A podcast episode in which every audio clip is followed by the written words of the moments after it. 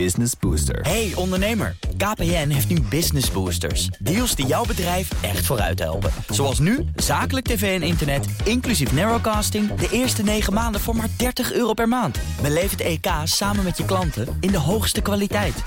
Kijk op kpn.com slash businessbooster. Business Booster. BNR Nieuwsradio. The Big Five. Art Rojakkers. Goedemorgen, fijn dat je luistert naar BNR's Big Five. Klimaatverandering, een afname van de biodiversiteit, de coronapandemie. De mens wordt gezien als veroorzaker van de grote problemen van deze tijd. En de wereldbevolking stijgt in de komende eeuw naar schatting van nou, ruim 7,5 miljard nu naar 11 miljard in het jaar 2100. Zijn we inderdaad met te veel of valt het allemaal wel mee? In BNR's Big Five praten we over de vraagstukken en taboes rondom overbevolking. En vandaag doe ik dat met journalist en filosoof Ralf Bodelier. Goedemorgen. Goedemorgen, Acht. Oud leraar van mij op de Academie voor Journalistiek. Ja, ook dat hè? Lang geleden Nou. waren inspirerende colleges die we destijds kregen. horen, Ik verheug me op dit uur. Oké. Eh, we beginnen in dit programma met stellingen waar je met ja of nee op mag antwoorden of eens of oneens. Nuanceren kan later. De eerste, de Dalai Lama, David Attenborough en Jane Goodall hebben het allemaal aan het verkeerde eind wanneer ze zich druk maken over overbevolking. Klopt. Kijk, we hechten te veel waarde aan het klimaat en de natuur. Nee. Nee, ik ben een idealist. Ja. Nou, twee keer ja, één keer nee. We komen erop terug. Laten we meteen terugkomen op die eerste stelling. Want het is best een imposant rijtje dat zich druk maakt om overbevolking. Oh ja. Natuurbeschermers als David Attenborough en Jane Goodall... de Dalai Lama, de overlevende wetenschapper Stephen Hawking... ik noem maar een paar. Ook collega-filosofen zoals eh, Peter Singer... verbonden aan de Princeton, Un- Princeton Universiteit. Maar Ralf Bodelier, woonachtig te Tilburg... weet het beter. Ja, ik denk er anders over. Ja, het punt is, eh, weet je, achter, sinds, sinds mensenheugenis, hè, pak een beetje, sinds de Griekse filosofen Plato, Aristoteles, hebben mensen zich altijd, altijd zorgen gemaakt over bevolkingsgroei. Wat dan altijd heet, hè, overbevolking. Dus Die term klopt dan niet, bedoel je? Nee, want overbevolking is al een moreel geladen term. Daar zeg je mee dat we met te veel zijn. Als je bevolkingsgroei, dat, die term gebruikt... ja, dan beschrijf je wat er gebeurt. We groeien en we groeien door. Nou ja, ik zei het al, Plato en Aristoteles... die vonden het echt een drama, die enorme massa's. En toch hadden we nog bij 100, 100 miljoen mensen wereldwijd. Dus altijd door de hele geschiedenis heen. De kerkvaders in de tweede eeuw hadden het over de krioelende massa's die de aarde uitputten en die ons niet meer zouden voeden, die aarde dan. Nou ja, tot en met Thomas Malthus in de 18e eeuw, begin 19e eeuw, een, Britse filosoof en eh, een econoom. Ja, tot Einstein, mij betreft, om even nog een andere grote naam eh, Ja. te noemen. Ja, En ze hebben het allemaal, want die mensen, dat is dus eh, historisch gezien, is het een bekende angst. En tegelijkertijd zijn er nu gewoon objectief gezien meer mensen dan ooit. En er komen nog veel meer mensen bij. Ja. En dan toch dat rijtje. Einstein wordt ook al genoemd, maar Attenborough, Jane Goodall, de Dalai Lama, Stephen Hawking. Die weten het allemaal, die hebben het allemaal aan het verkeerd. Nou, er zijn ook heel veel die, het, die ook anders over denken hoor. Ik ben niet de enige eh, uit Tilburg die dit, dit noemt. Nou, het punt was dat je misschien tot de industriële revolutie nog wel een, een, een puntje kon maken hiermee. Want toen was het zo dat eigenlijk wel de voedselproductie, hè, dat is toch het kern, de kernvraagstuk van het hele thema. De voedselproductie en de bevolkingsgroei nogal uit elkaar liepen soms. En dat dan weer hongersnoden waren. En dan van deel weer mensen werden teruggedrongen tot een ander bevolkingsniveau. Maar sinds de industriële revolutie zien we dat de bevolking enorm hard gegroeid is. Je noemde het al de vorige keer in de uitzending gisteren. Van 1,9 miljard begin eh 20e eeuw Ja. tot 7,8 miljard nu. Maar dat op dit moment, in deze eeuw, ook de voorspoed enorm is toegenomen. Mensen zijn ook rijker geworden. Er zijn 40 jaar, 40 jaar meer levensverwachting kwam erbij.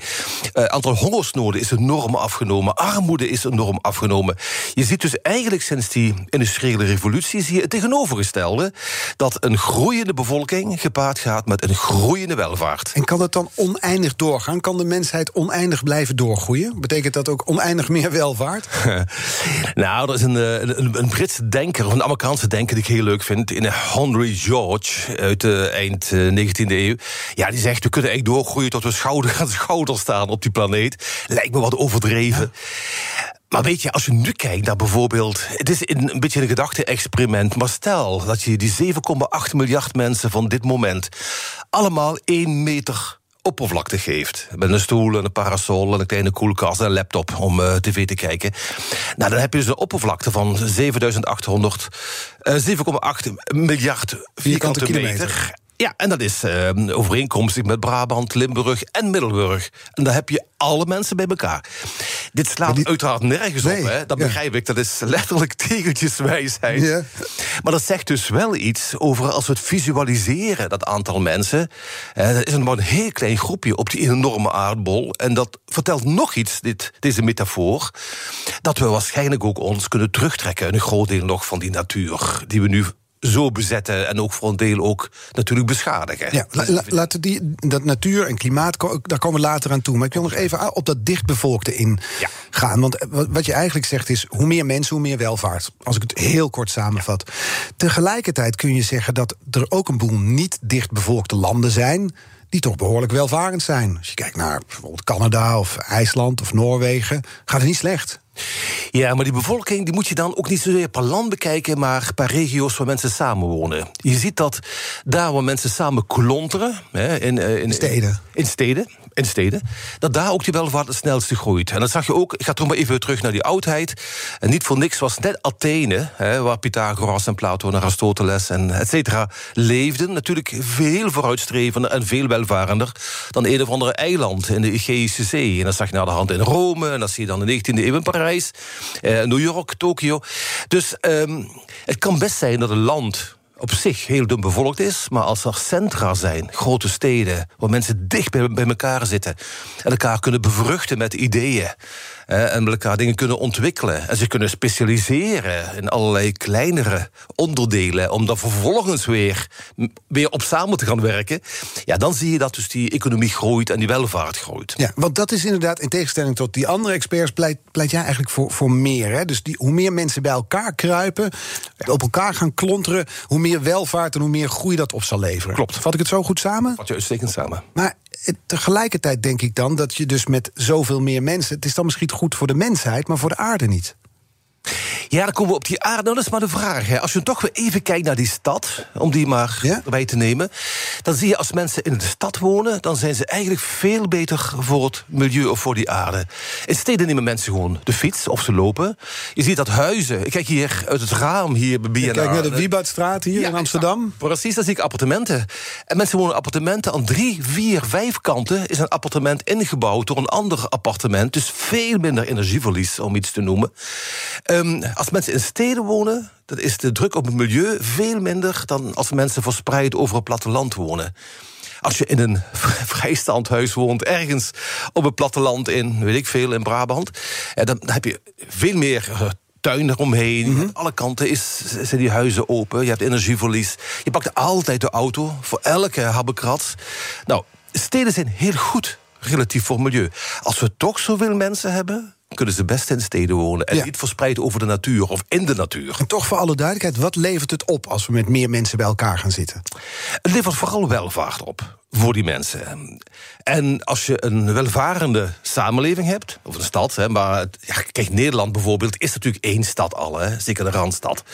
Dus als je, als je echt over steden, platteland, dan praat je toch eerder weer over Afrika bijvoorbeeld, waar dat nog heel mhm. evident is, die scheiding.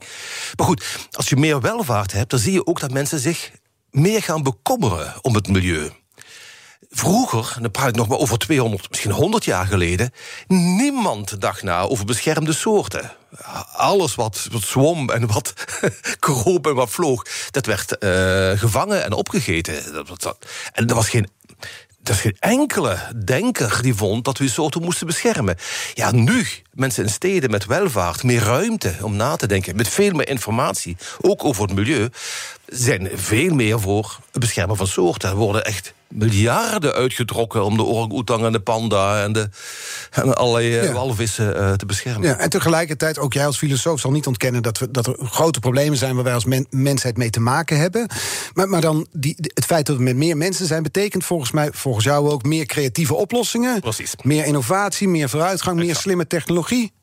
Vooral dat Vooral die slimme technologie, die is zo enorm belangrijk. En zeker in kringen van intellectuelen wordt veel te weinig over technologie nagedacht. Uh, intellectuelen, waar ik mezelf ook maar toe rekenen als filosoof, die denken veel meer na over gedragsverandering of, of eventueel politieke verandering. Maar het is toch vaak de technologie die ons weer een stapje, een stapje verder brengt. En ja, we hebben problemen. We hebben zes grote problemen. En voor mij is trouwens ook nog eens extreme armoede, met name in Afrika en delen van Azië, een nog groter probleem dan klimaatverandering of uh, verlies aan biodiversiteit, omdat dat direct slachtoffers vallen. Hè, al is armoede zelf al een vorm van slachtofferschap, kun je zeggen. Mm -hmm. um, maar mensen hebben altijd grote problemen gehad. Er is nooit een tijd geweest dat er geen grote problemen waren. En als je terugkijkt naar het verleden, dan kun je zelfs zeggen dat de problemen eigenlijk van al onze voorouders groter waren, dodelijker waren, vervelender waren, verdrietiger waren dan de meeste problemen die we nu hebben. The Big Five. Art Rojakkers. Ja, deze week in de Big Five vijf kopstukken over overbevolking. Het ziet waar uh, filosoof en journalist Ralf Baudelier, mijn gast vandaag, zich tegen verzet. Het is bevolkingsgroei, vindt hij. Eh, je schrijft momenteel een boek over jou, jouw visie, hè, over, ook, uh, hierover. Je geeft ook samen met Felix Meurders, journalist, ook radiopresentator, legende, daar trainingen over. Ja. Wa waarom ben je zo in de ban van dit onderwerp? Ja, nou, even wat we Felix doen, we halen mensen naar abdijen, abdijsessies noemen we dat. En daar inspireren we hen met vooruitgang. En er is overigens bevolkingsgroei maar een klein onderdeel. Dat gaat over een veel breder scala, 48 uur in een uh, abdij. Um, en het boek is eigenlijk een ode aan de mens. Daar is bevolkingsgroei is daar een onderdeel van. En dat boek heeft te maken, ik zeg zo meteen waarom ik in de band daarvan ben... Um, heeft te maken met het feit dat wij de mens zien steeds vaker en steeds meer als een vernietiger. En wij vernietigen de biodiversiteit, wij veranderen op dramatische manier vinden velen het klimaat.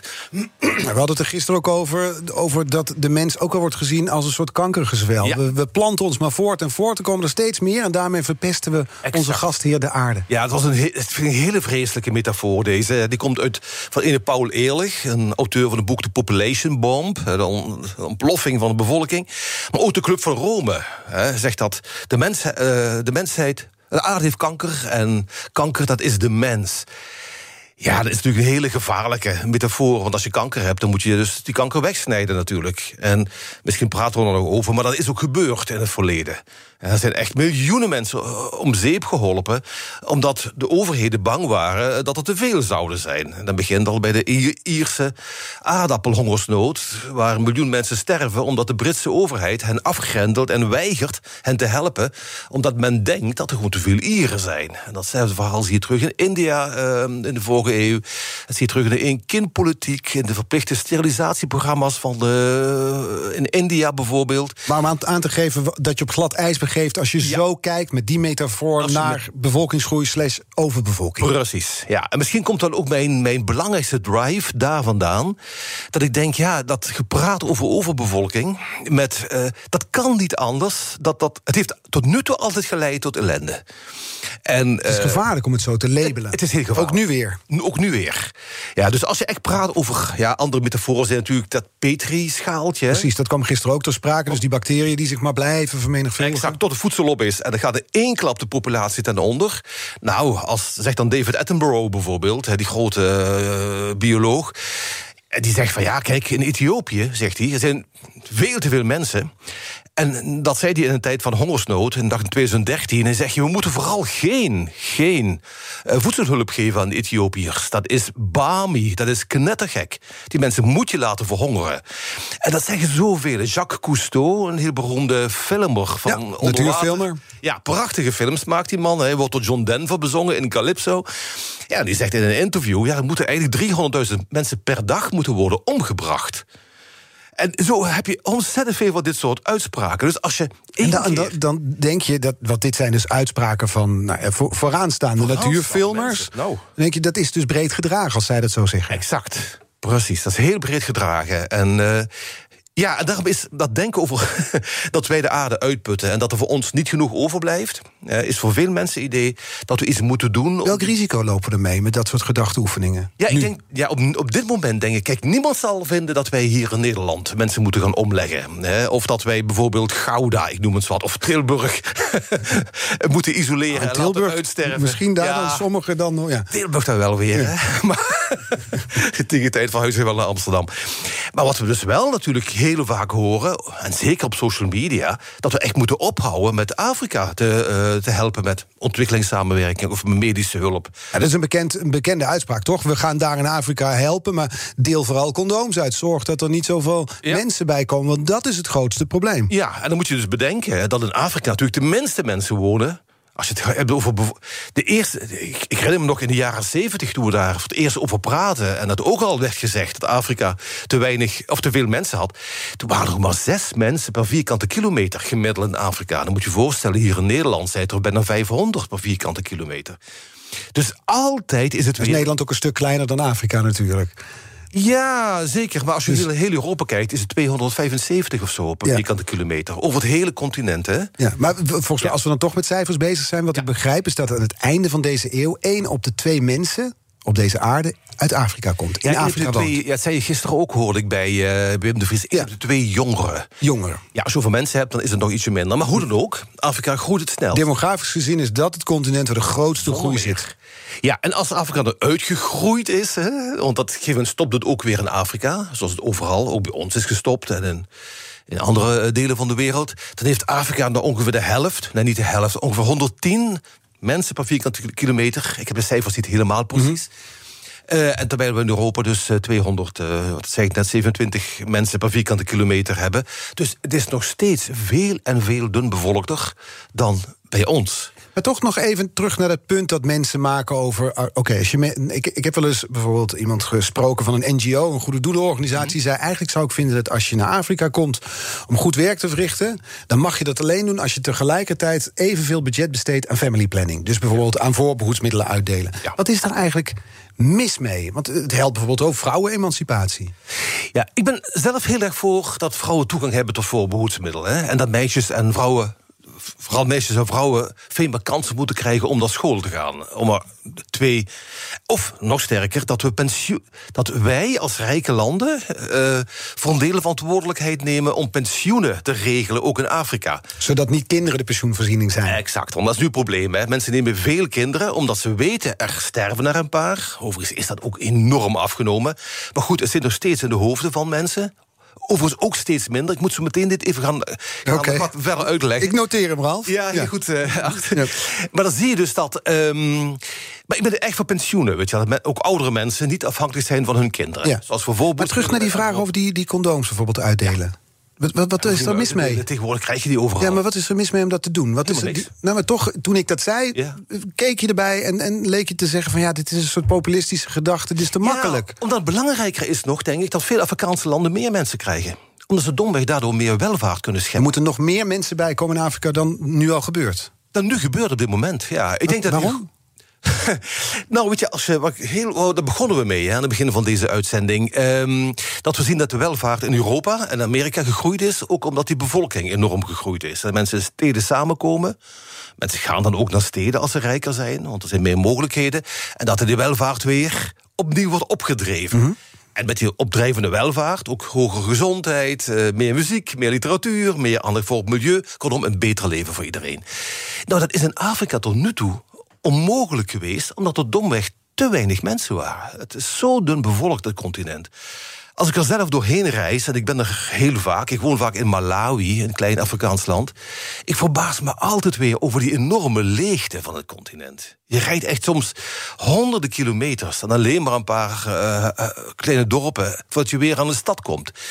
En ehm, een groeiende bevolking, wat nu gebeurt in Afrika, zal het land, of het continent waarschijnlijk veel en veel welvarender en rijker maken. In de tussentijd is, uh, hebben we hier wat we dan uh, de uh, vluchtelingencrisis noemden in 2015. Er stappen allerlei mensen ook uit Afrika op bootjes om naar Europa te komen. Dat is nog steeds gaande daar op de Middellandse Zee. Dus je zou kunnen zeggen dat er is dus een deel dat nu naar Europa toe vlucht... omdat ze daar geen toekomst zien. Zou je daar dan niet eerst een oplossing voor moeten vinden? Nou, maar die toekomst komt dan natuurlijk als Afrika welvarender wordt.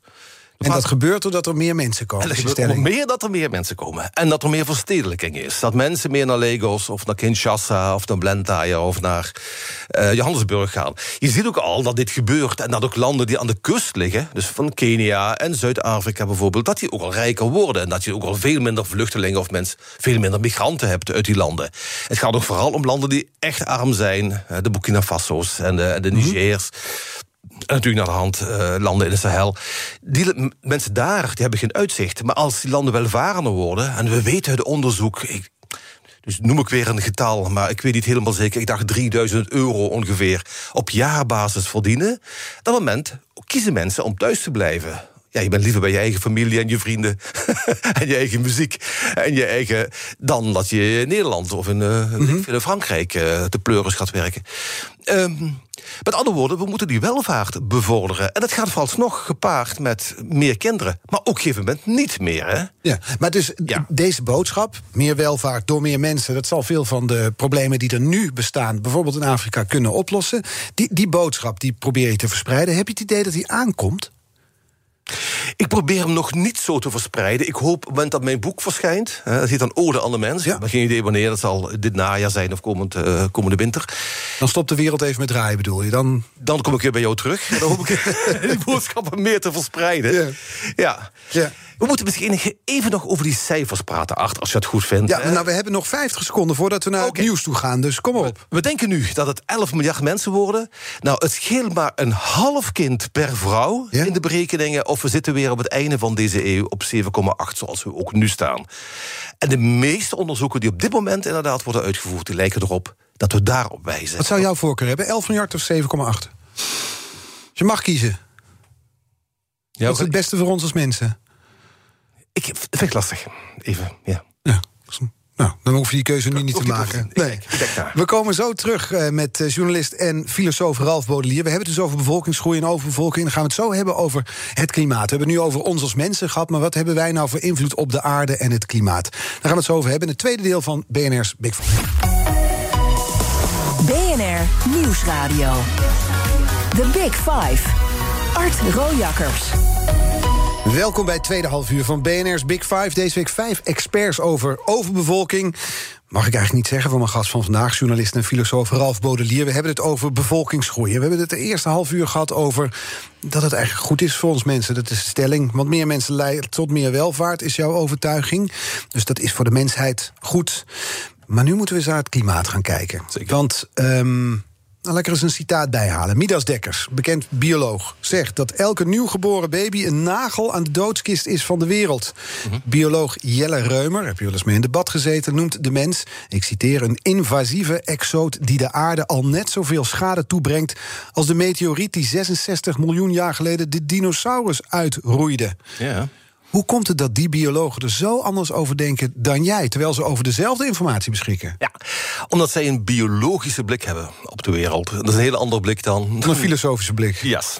Of een economische blik, of een historische blik, of een sociologische blik. Waar zit er met verschil in? Nou, zij kijken als, naar mensen als naar een biotoop insecten of een, uh, of, of, of, een populatie uh, giraffes. En een populatie giraffes die leeft echt anders dan wij. Um, geef een voorbeeld. Dit haal ik dus niet uit mezelf, maar ook weer van die Henry George, die filosoof die ik net even aanhaalde. Die zei ooit van, zowel haviken als mensen, die eten kippen. Maar als de haviken zich vermeerderen, dan blijven geen kippen meer over. Maar als mensen zich vermeerderen, zijn er alleen maar meer kippen. En dat is het hele grote verschil. Dieren eten gewoon door tot uh, alles op is, wat ze hebben, binnen hun grenzen. Ja? Die hebben ook echt grenzen wat dat betreft. Mm -hmm. Die... Uh, weet ik veel, de, de giraf die overweegt niet om te migreren naar Europa... omdat er meer voedsel is, die blijft gewoon in Afrika. Nou, wij mensen niet. Wij verleggen onze grenzen constant. Dat hebben we de hele geschiedenis doorgedaan... en zeker de afgelopen 150 jaar. Mm -hmm. Maar die biologen die kijken naar mensen als naar dieren. Die gewoon. Kijken ook naar de natuur en het klimaat, kijken naar onze uitstoot... en denken, ja, maar wacht eens even. Als er zoveel mensen komen, dan gaat dat ten koste van de aarde, het klimaat. Omdat er nou eenmaal, hoe, elk mens stoot iets uit. Ja, zeker. En dat gaat dus uiteindelijk mis als er te veel mensen zijn. Ja, zo, zo denken deze biologen. Klopt niet. Nee, klopt niet. Vertel. nou, heel simpel. Ik zei het net al voor in de eerste helft. Hè, wij zoeken ook constant oplossingen weer voor de problemen waar we voor staan. En dat geldt ook voor de klimaatverandering. Dat is toch een beetje het thema mm van nu. Hè? Nou, op dit moment gaat het nog niet zo hard met het terugstoten van CO2. Om maar eens uh, met een understatement uh, te starten. Uh, toen de hele klimaatverandering op de agenda kwam, in 1990 ongeveer. Van tevoren had niemand het daarover. Dus nu 30 jaar geleden. Ja, dus stoten we ongeveer 81 procent van, van onze energie was fossiel. Ja, nu is het 80 procent. Dus we zijn helemaal amper gedaald. -hmm. Waar we wel natuurlijk al veel beter in geworden zijn, is in aanpassing aan het klimaat. Ja, dus het graven van retentiebekkens, hogere dijken, stormvloedkeringen. We je ziet wel dat we problemen al heel sterk aan het oplossen zijn, of het alle voorbereiden zijn de oplossingen voor komende ja. problemen van klimaatverandering.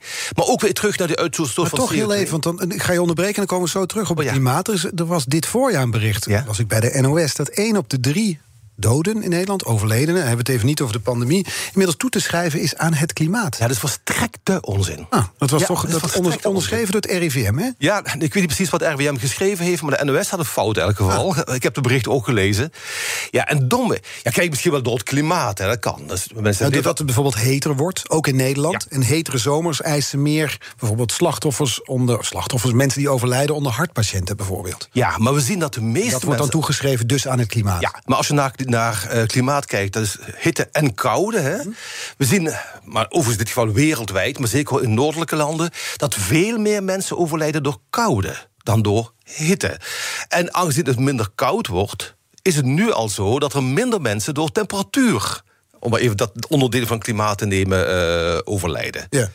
We zien maar toch, we, nog ja. heel even. Midas Dekkers zegt, het is een probleem. Nagelende doodskist. Jelle Reumers zegt, uh, het is net zo erg als die meteorieten... die dinosaurussen ja. uitroeiden. De NOS, ons nationale, het nieuws... Uh, die citeren het RIVM, Nationaal Instituut... zeggen 1 op de drie doden in Nederland... Ja. al toe te schrijven klimaat. zijn niet echt hoopvolle berichten. En toch staat Ralf Baudelaire heel optimistisch te zeggen... niks aan de hand. Ja, omdat data, uh, wereldwijde data, ook van de VN... ook van het IPCC... Hè. IPCC is het internationaal panel voor klimaatverandering Verenigde Naties. Van de VN. Laat, uh... Ja, laten zien. Nou, geef toch even nog een keer uh, cijfers, uh, Ad, omdat toch zo belangrijk zijn. Als je echt over klimaat spreekt, hè, over de, de dodende dingen in klimaat... dat zijn het stormen, overstromingen, droogtes, mm -hmm. hittegolven. Dat zijn de vier apocalyptische ruiters van het klimaat. Als je weer een eeuw teruggaat, in 1920... in de twintige jaren van de vorige eeuw... Mm -hmm. stierven op jaarbasis ongeveer 500.000 mensen... op jaarbasis aan dit soort klimaat problemen. Nou, op dit moment zijn ze gedaald, enorm gedaald. De afgelopen decennia, decennium, waren er 50.000. Afgelopen, in 2018, de laatste complete cijfers, waren er iets van 9.000. Ja. En dat komt omdat wij als mensen ons beter weten te wapenen tegen dit soort veranderingen. Precies. Dus je ziet enerzijds een enorme afname aan het aantal slachtoffers van klimaat. En tegelijkertijd een enorme toename van het aantal mensen. Als je het met per, in percentages uitdrukt, hebben we een daling van 98% van mensen die overlijden aan dit soort klimaatproblemen. En als je wat verder kijkt, als het gaat over diarree of malaria of dengue, weet je allemaal ziektes die ook Nare hier ziektes. mee verbonden zijn, dan zie je ook alleen maar dalende cijfers. Steeds met een, dus dat, dit soort denk... Ik weet niet hoe ze het toerekenen. Ik heb ook een wantrouwen wat dat betreft... naar de nieuwsmakers van de NOS... hoe die data van het RIVM interpreteren. Je bent toch niet zo iemand die van die stickers plakt, hè? En Helemaal fake niet. Ik ben heel erg voor uh, okay. uh, uh, fatsoenlijk wetenschappelijk onderzoek... en zeker ja. voor de RIVM's van deze goed, die wereld. cijfers, dan zeg je van... nou, ja. daar, daar, heb ik wel vraagtekens bij. Ik wil met je naar de kettingvraag gaan... want gisteren was hier te gast Wim de Vries... hoogleraar milieusysteemanalyse in Wageningen. Hij had wat artikelen van jou gelezen. Zei ook, nou, er zijn best wel punten waar ik mee eens ben. Maar hij had ook deze vraag. Mijn vraag zou echter aan hem zijn... hij laat toch wel zien dat ons gedrag wel degelijk effecten heeft... op het milieu en het klimaat. Dat ontkent hij niet. Maar vervolgens krijg je toch het gevoel dat hij ontkent bijna dat er grenzen zijn. Of die grenzen die kunnen we alsmaar op laten schuiven. En mijn vraag aan hem zou zijn: waarom zou je niet een grens kunnen stellen? Al is die arbitrair natuurlijk altijd. Waarin je zegt, nou, zover kunnen we nog toelaten dat er uitstoot is naar het milieu. Maar dan houdt het ook ergens een keer op. Hè? Dan moet je Wat is zijn gedachte erachter om dat soort grenzen te ontkennen? Ja, dan is er ook geen reden om je gedrag aan te passen en om iets te doen. Vertel. Ja. Hier gaat over twee soorten grenzen. Wij praten vaak als we over klimaatverandering praten. Overigens, het is een probleem met klimaatverandering. Hè. Net als het verlies aan biodiversiteit. Hè. Dat is geen, geen twijfel over mogelijk. Dat zie ik ook als een probleem. Maar dat heeft te maken met bevolkingsgroei. Daar zijn we het ook over eens. Met mensen. Met mensen. Althans, hè, want wij veranderen het klimaat en wij hebben, zetten enorme druk op de biodiversiteit. Um, maar dan praten we heel vaak over planetaire grenzen. Hoeveel kan de planeet aan? En met dat soort redenering heb ik heel veel moeite. Dat zal ik zo meteen misschien nog even uitleggen. Maar als je zegt, waarom stellen we geen grens aan de uitstoot van gisteren, van stikstof? Ja, daar ben ik het helemaal mee eens. Als de stikstof, een grote stikstofuitstoot leidt stikstofdepositie, zegt eh, Wim de Vries, mhm. leidt tot uh, een, een, veranderende, een verslechterende biodiversiteit in Nederland, ja, dan moeten we iets doen aan die stikstofdepositie. Of als wat we vroeger hadden, te veel lood hè, in het drinkwater, dan moeten we dat, die loodgehalte terugdringen. Of te veel zwavel hè, in, uh, in, in, de uitstoot. Ja, moeten van kolen. doen. Maar nu, dat zijn concrete grenzen, ja. ben ik dus heel erg voor. Maar nu terug naar de kern eigenlijk van, van het onderwerp. Namelijk, meer mensen betekent meer uitstoot, betekent meer milieuschade. Klopt die opsomming? Niet per se. Waarom niet? Nee, omdat je, als je, ik zei het net al, als je veel mensen dus in een stad zet bijvoorbeeld, dan gaan ze veel minder auto rijden, om als iets te noemen, dan zie je dus een terugloop aan uh, uitstoot. ja, maar dat is op stadsniveau. Maar als je met 3 miljard mensen bent, of je bent met 6 miljard mensen. Dan kun je toch zeggen dat de uitstoot van 6 miljard mensen veel hoger is dan die van 3 miljard mensen. Zonder meer. En dat betekent dat dat dus schadelijker is voor de planeet. Ja, en tegelijkertijd. Ja, in eerste instantie wel. Hè. Natuurlijk hebben veel meer mensen ook geleid natuurlijk toch veel meer druk op dat milieu. Dat is evident. En tegelijkertijd zie je dus ook met die steeds grotere groepen mensen dat er steeds meer oplossingen worden bedacht. om die schade weer te beperken. En ja, maar die technologische oplossingen zijn er nu nog niet. Dus eigenlijk hoopt Ralf Baudelier op het feit dat er statistisch gezien tussen die miljarden mensen die erbij komen. één knappe kop, meerdere knappe koppen zitten die dit probleem voor ons moeten gaan oplossen. Nee, zo is niet. Uh, acht, uh, acht het probleem, gisteren zei Wim de Vries ook, hè, als je kijkt naar de jaren 90 over stikstofuitstoot. Nou, we zijn, hebben maar 85% teruggedrongen inmiddels stikstof. We hebben zwavel met nog veel grotere aantallen uh, waardes teruggedrongen. We zijn er nog niet. Dus je ziet eigenlijk op alle grote problemen, zie je ook dat we, met dat probleem het grootste wordt, uitstoot van CFK's, die ozonlaag mm -hmm. Vernietigen wat ook oplossingen bedenken om die problemen weer terug te schroeven. En dat zijn heel vaak technologische oplossingen. En um, om even terug te komen naar die planetaire grenzen. Mhm. Die grenzen zitten vooral in ons hoofd. Plato en Aristoteles, dan kom ik weer terug naar hoe we begonnen... die hadden het al over de grenzen. Voor hen waren die 100 miljoen mensen, het was gewoon de grens. Als je verder ging dan die 100 miljoen, ja, steeds niet 100 miljoen. Nee, maar dit, punt heb je gemaakt, maar dan wil ik toch terug naar het nu. Want het is misschien wel in ons hoofd, maar tegelijkertijd spreken alle landen in Parijs af... we mogen maar zoveel graden opwarmen, want anders gaat het mis. Oké, nu stellen we grenzen. Jazeker. Maar zijn er ook grenzen? Dus eh, dit, dit, wordt een beetje een... een, een Filosofisch debat? Nou, niet eens. Een, de, het verhaal is, er zijn planetaire grenzen. Als we er overheen gaan, op dat moment stort de biodiversiteit... Nou, dan, dan doen we onherroepelijk schade aan het milieu. Ja, maar iets anders is of wij grenzen stellen aan de uitstoot van CO2. Dat zijn heel bewust gekozen grenzen die wij met z'n allen bedenken... en die we proberen te handhaven. En dat is ook heel goed om dat te doen. Natuurlijk, we moeten zorgen dat die CO2-uitstoot uh, teruggaat zoals we dat ook hebben gedaan met, met CFK's, met lood en met zwavel en met die stikstofoxide. dat is iets anders als het denken dat wij bijvoorbeeld nu met z'n 7,8 miljard mensen aan de grenzen staan van wat de planeet aan kan. Dat staan we niet. Die grenzen zitten in ons hoofd. Dat hebben we zelf bedacht. En is het dan zo dat die technologie, waar, waar, waar dus een oplossing vandaan zou moeten komen, kan dat alles oplossen dan? Als het gaat om uitstoot, klimaatverandering? Ja, het punt is, we hebben weinig anders voorhanden dan die technologie. Nou, zorgen dat er minder mensen bij komen. Ja, dat, dat gebeurt sowieso al. Hè. We weten dus dat alle continenten, overal, behalve Afrika, het aantal mensen daalt. Op het einde van deze eeuw, stel even dat die 10,9 miljard mensen er komen. En nogmaals, steeds meer wijst erop dat toch minder zullen zijn, hoe dan ook. Nou, dan zal Nigeria, om iets te noemen, het Afrikaans land, zal nummer 2 staan. Ja. Maar op dat moment is China en India op nu 1,3 miljard en 1,4 miljard alweer ruim onder de 1 miljard gedaald. En Europa daalt het sowieso al heel hard. En in Oost-Europa gaat het nog harder. Zitten ze op één kind per vrouw gemiddeld. We worden het bejaardenhuis van de wereld hier. Ja, dus je ziet hoe dan ook dat, die, dat, dat, dat een afnemende zaak is. Ik denk het grote probleem waar we op afstevenen uiteindelijk... is misschien al vrij snel dat we gewoon te weinig mensen hebben. Ja, dat zal het echte probleem zijn van de nabije toekomst. Daar gaan we straks op terugkomen. We gaan eerst even naar BNR Brett. BNR Nieuwsradio. The Big Five. Je luistert naar BNR's Big Five van de overbevolking of bevolkingsgroei. Zoals mijn gastjournalist en filosoof Ralf Baudelier pleegt te zeggen. Sterker nog, dan moet uh, ons probleem wordt dat er misschien wel te weinig mensen zijn. En terwijl ik naar, naar iemand aan het luisteren was, we hadden het over de mondkapjes. Was ik, ik was aan het denken over jouw blik op de wereld. Kijk, ik, ik heb ooit les van je gehad op de Academie voor Journalistiek, zei ik al. En dat was uh, uh, inspirerend. Ook vanwege je optimisme. Ja. En daar ben je niks van kwijtgeraakt, van dat grenzeloze optimisme. De wereld ziet er een stuk zonniger uit door de ogen van Ralf Baudelier. Ja. Uh, hoe, En ik denk terecht ook, ja. hoe krijg je dat voor elkaar? Dat krijg ik voor elkaar. Het komt niet om mijn karakter. Want ik ben helemaal niet zo'n zo, zo, zo vrolijke Frans. Eigenlijk een tobber. Ja, ik ben eerder een topper, denk ik wel. Ja, ja, met mijn Limburgs accent denk je dat ik alleen maar uh, van carnaval houden aan bier drinken. Dat is natuurlijk niet zo. Maar ik kijk naar data, acht, naar, naar cijfers. En van de afgelopen, nou ja, niet de afgelopen honderd jaar, maar de afgelopen honderden jaren. En dat zijn maar ontzettend weinig thema's waarop we achteruitgang boeken. Nou ja, je, kent ze net zo goed als ik. Hè? Als je praat over kindersterfte of, of moedersterfte, toch me, de meest dramatische dingen in een mensenleven. Mhm. Ja, de tijd dan dat mijn grootouders geboren werden, stierven ook bij ons nog hier eh, drie op de tien kinderen, om eens iets te noemen.